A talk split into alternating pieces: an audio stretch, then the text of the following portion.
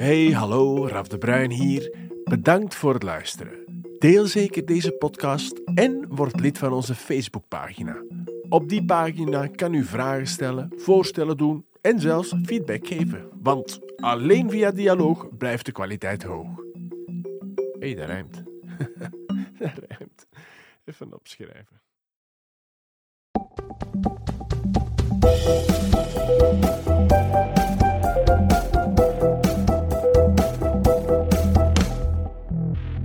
Kiezen voor verpleegkunde is niet iedereen gegeven. Het is een passie, een roeping, een gave. Je ontwikkelt een basispakket. Een basispakket technische vaardigheden, theorie, empathie, gedrevenheid, moed, veerkracht, fysieke kracht, mentale weerbaarheid. En met dat pakket moet je de keuze maken welke richting je uitgaat.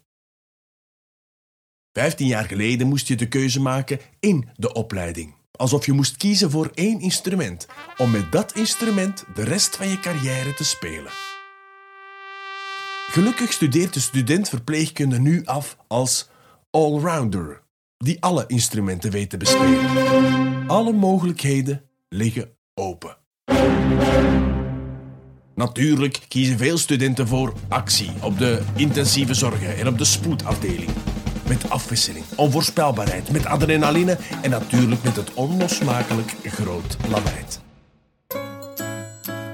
Zij die meer inhoud en melodie wensen, gaan voor de klinische afdeling. Daar zijn de verpleegkundigen de drijvende kracht. Zij treden op de voorgrond, spelen samen, soms solo, maar zonder hen is er van een lied amper sprake. De praters, met het talent in het empathisch vermogen en het geven van voorlichting, komen vaak terecht in de geestelijke gezondheidszorg als ook in de sociale verpleegkunde. Zij teren vaak op een natuurtalent. Een goede stem is niet iedereen gegeven. En dan heb je nog één lid van de band. Diegene die het minste opvalt. De underdog. Die vaak onderschat wordt omdat het instrument zo gemakkelijk te bespelen lijkt. Vier vette snaren, die zo ver van elkaar staan dat je het haast kan bespelen met ovenwanten aan. Maar iedereen in de band kent de waarde van deze speler.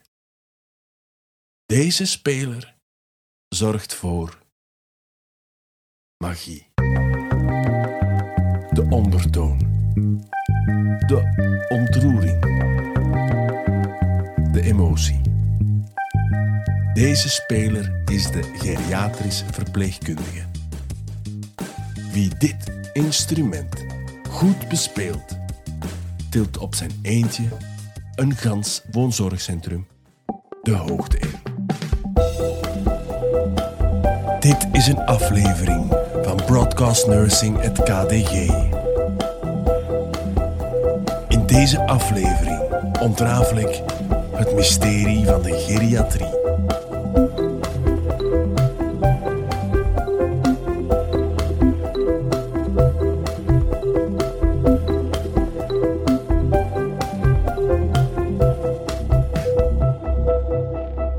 Mijn naam is Raf de Bruin van de Karel de Grote Hogeschool. En binnen deze aflevering kraak ik, jawel, de geriatriecode.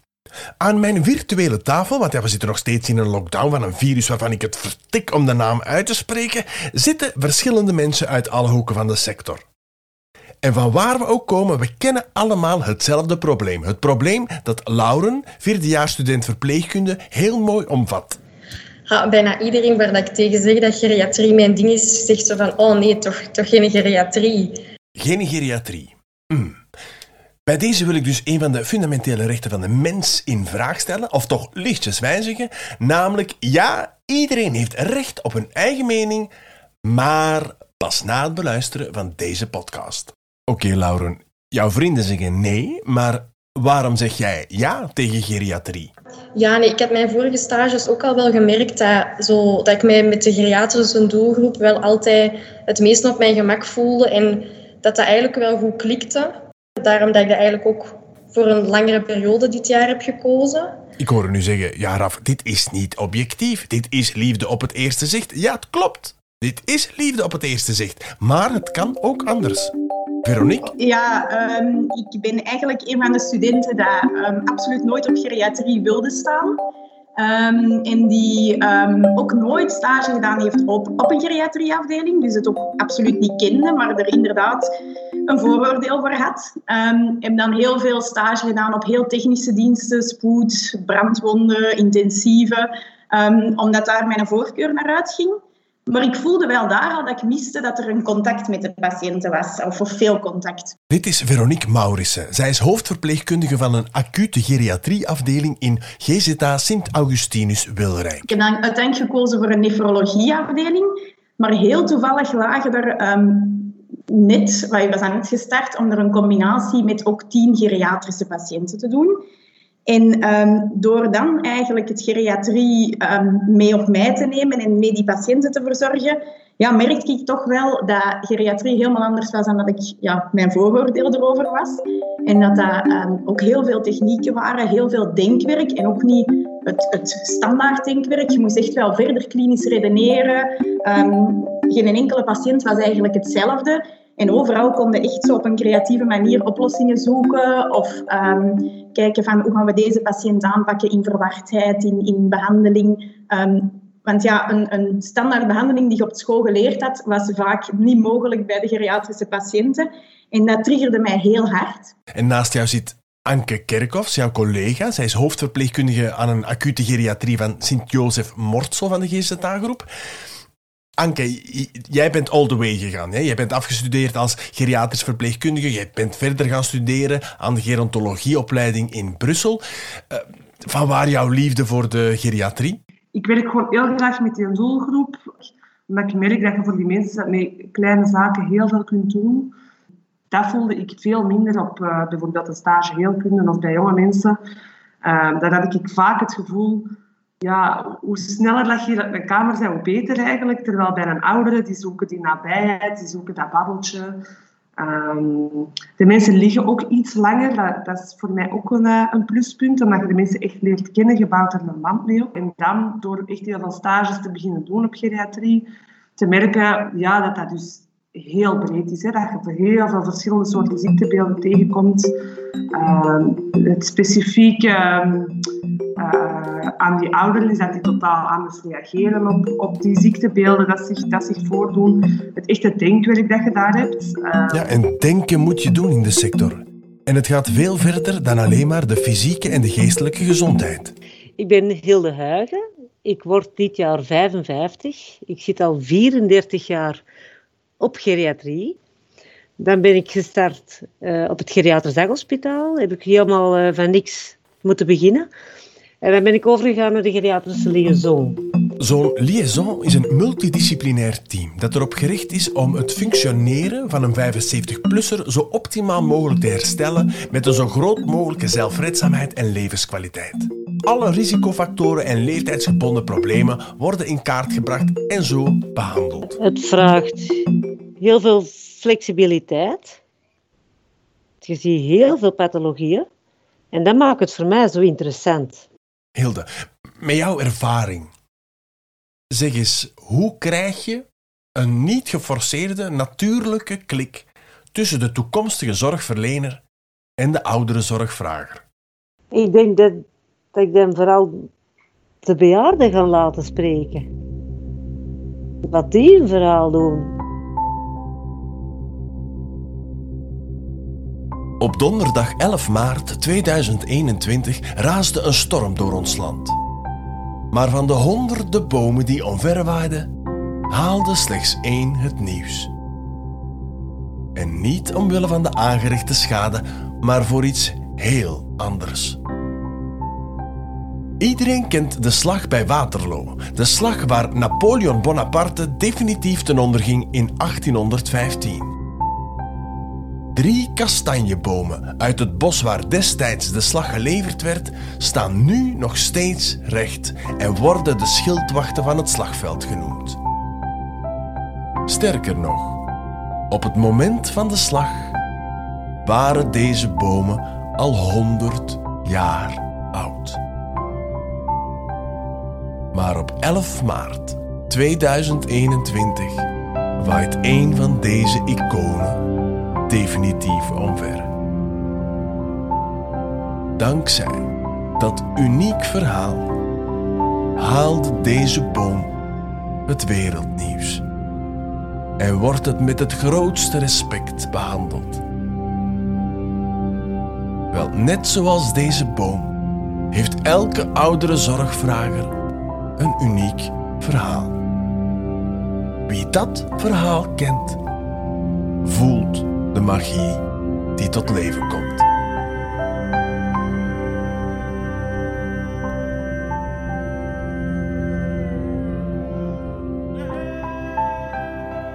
Oké, beste collega's, wat moeten de studenten weten wat ze nog niet wisten?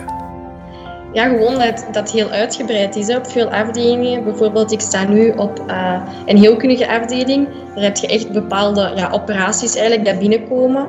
Uh, en die behandelingen zijn ook heel beperkt. Terwijl bij geriatrie leert je eigenlijk bijna alles. Je kunt al je handelingen bijna oefenen. Je kunt ook veel verder nadenken over linken of mogelijke ja, samenhangende uh, diagnoses of problemen. En dat vind ik wel heel uitdagend maken. Je moet vooral in alle domeinen thuis zijn, veel denkwerk willen doen, veel technieken willen doen en toch die zachte en dankbare zorg willen doen. En weet ook dat er nog heel veel groeipotentieel in geriatrie zit. Uh, dat dat een, um, een richting is die daar echt nog aan het uitgroeien is.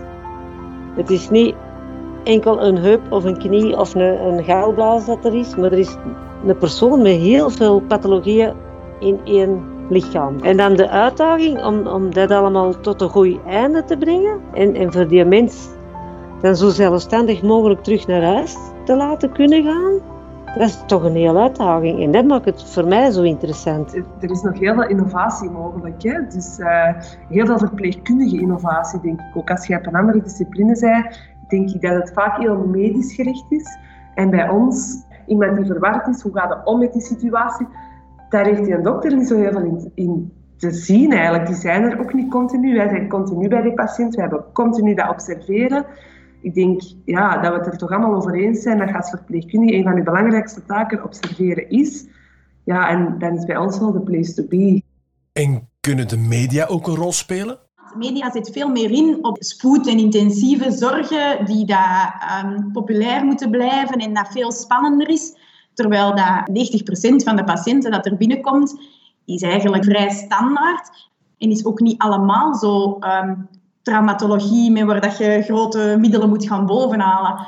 Uh, en toch geven ze dat wel als beeld in de media, terwijl geriatrie wordt, ja, spijt genoeg, inderdaad heel vaak saai afgestempeld en wordt um, ja, te weinig gepromoot, denk ik wel. We hebben dringend nood aan een Grace Anatomy in het woonzorgcentrum. Ja, ja. En wat er dan in al die kamers gebeurt en zo, dat gaat pas verkopen. Zeker wat de rusthuizen betreft, volgens mij. Uh, zorgen rond RVT, wij merken dat trouwens bij onze zorgvragers zelf ook. De angst dat er is om naar een rusthuis te moeten gaan, is volgens mij helemaal onterecht. Wij werken nu alle twee in een ziekenhuissetting, maar ik heb in mijn opleiding ook wel wat van zorgcentra gezien. Dat kan echt wel een heel fijne plek zijn. Maar als mensen ja, met zo'n negatieve beeldvorming daar naartoe gaan, het, komt ook, het is al wel gebeterd, vind ik, maar het komt vaak zo negatief inderdaad in het nieuws. En met die grote uh, rusthuisketens en dat de zorg weer onder maat is en dat allemaal veel geld. En jawel, zo zijn we gekomen tot het taboe onderwerp binnen de verpleegkunde. Namelijk werken als verpleegkundige in een woonzorgcentrum. Dat is pas saai. Wel, niet helemaal. Focus. Daar draait het om. Het opzetten van de juiste professionele bril. Bijvoorbeeld 20 bejaarden in een cafetaria. Zonder bril zijn dat 20 bejaarden in een cafetaria. Maar wanneer je die juiste professionele bril opzet, zie je drie mensen die stervende zijn. 60 pathologieën. 100 medicijn. Partners van 15 overleden. Ouders van 20 grootouders van mensen die gevochten hebben voor Mensen die Wereldoorlog 2 hebben ouders hebben opgevoed. Die actief de flower power hebben, die JFK hebben zien, de maanlanding hebben zien, de wereld hebben veranderd. De naakte waarheid over het woonzorgcentrum in deel 2. Dit is een aflevering van Broadcast Nursing at KDG. Deze aflevering ontrafel ik het mysterie van de geriatrie.